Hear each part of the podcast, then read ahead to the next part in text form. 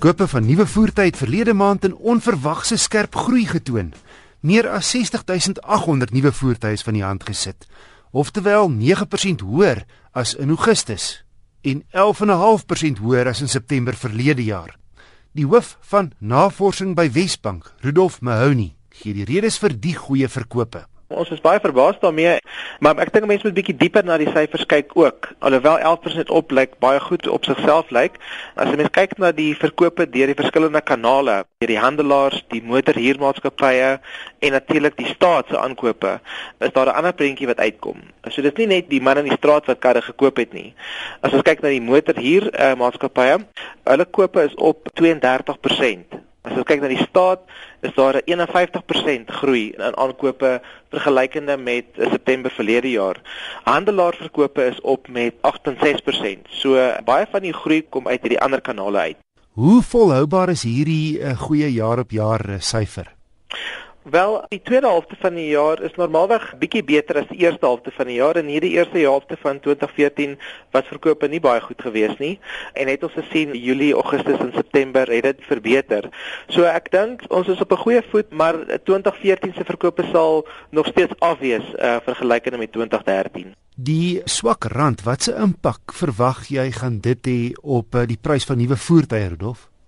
Ja, dit is 'n baie goeie vraag. Ehm um, 75% van die voertuie wat ons plaaslik verkoop word ingevoer en is dit dan natuurlik onderhewig tot die verswakking in die rand uh, vergelykende met die dollar. So dit is een van die groot faktore wat die bekostigbaarheid van voertuie affekteer. So dit gaan 'n groot impak hê. Rudolf, hoe lyk die tweedehandse mark? Tweedehandse mark lyk eintlik baie sterk. Ons het verlede maand 'n rekordnommer aansoeke ontvang vir motorfinansiering, 131000, waarvan aansoeke vir gebruikte voertuie met 29% gestyg het vergelykende met September verlede jaar. En dit kom weer die prysverhogings in nuwe voertuie wat wat redelik toegeneem het in afgelope paar maande. So die vergelykende pryse vir 'n gebruikte voertuig is natuurlik baie laer en die die verbruiker kom dit agter en is daar 'n skuif na die gebruikte mark toe. Rudolf Mahoney, die hoof van navorsing by Wesbank. Die top 10 verkopers lyk so.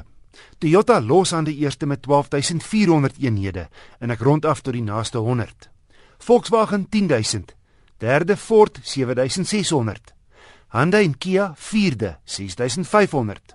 Gevolg deur General Motors 5500. Nissan 4200 en Mercedes-Benz 3900. Agste was BMW 2500, gevolg deur Renault 1600 en Honda 1200. Die top 5 individuele verkopers was Volkswagen Polo Vivo 4300, Toyota Hilux 3900, derde Ford Ranger 2600, Toyota Corolla Auris Quest 2300 en vyfde die Volkswagen Polo 2200. BMW se twee-reeks coupe is 7 cm langer, ook met 'n langer wielbasis en breër as die een-reeks coupe wat hy vervang. So heelwat ruimte binne en 'n groter kattebak. In my toetsmodel, die 220D outomaties, kyk jy uit oor 'n lang, gespierde enjinkap. Die generiese BMW snoet trek sterk op die 3 en 4 reekse. Dit is diesel Toe ry nie hoog nie, hier by so 4300, skakel hy oor na die volgende rad. Die 2 liter turbo diesel laat 'n mens net weer besef hoe ver die tegnologie van oliebranders gevorder het. Opvallend dat die masjien byna geen turbo traagheid toon nie. Kraglewering is 135 kW en 'n lekker fris 380 Nm wrinkrag. 0 na 100 in net meer as 7 sekondes. Veral in die sportmodus reageer die radkas lekker op en af. Hierdie 2 liter turbo diesel is 'n juweelheid. Baie krag al van lae toere. Hy stil en werk baie mooi in tandem met die 8-spoed outomatiese radkas. En agterrad op die snelweg teen 'n aangeduide 120 lê die toere net onder die 2000. Nou dit saam met die suiwige diesel en die sogenaamde stop-start stelsel wat die masjien afsluit wanneer jy by 'n verkeerslig stop. Sorg vir 'n baie goeie gemiddelde brandstofverbruik. My stad en ooppadroete het 5,9 liter per 100 km gelewer.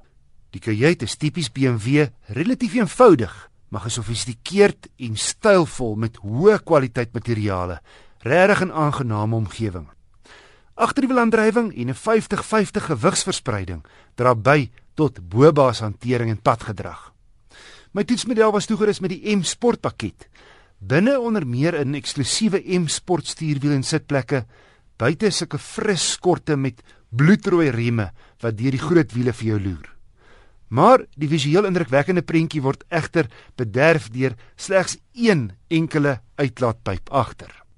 Die M Sport afwerking, en die model kos R473 000, is egter nie my gunsteling nie. Die voorste skort onder sit laag en skraap net te maklik. Verder, die sportonderstel en bande met 'n baie lae profiel maak die rit net te stamperig en ongemaklik oor ongelyke padoppervlaktes.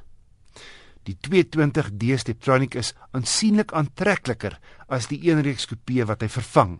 Die turbo diesel trek sterk, hy's lig op die sous en BMW se hoë kwaliteit kajuit maak mens sommer lus vir die lang pad. Maar my raad is, bly eerder weg van die dierder M Sport pakket.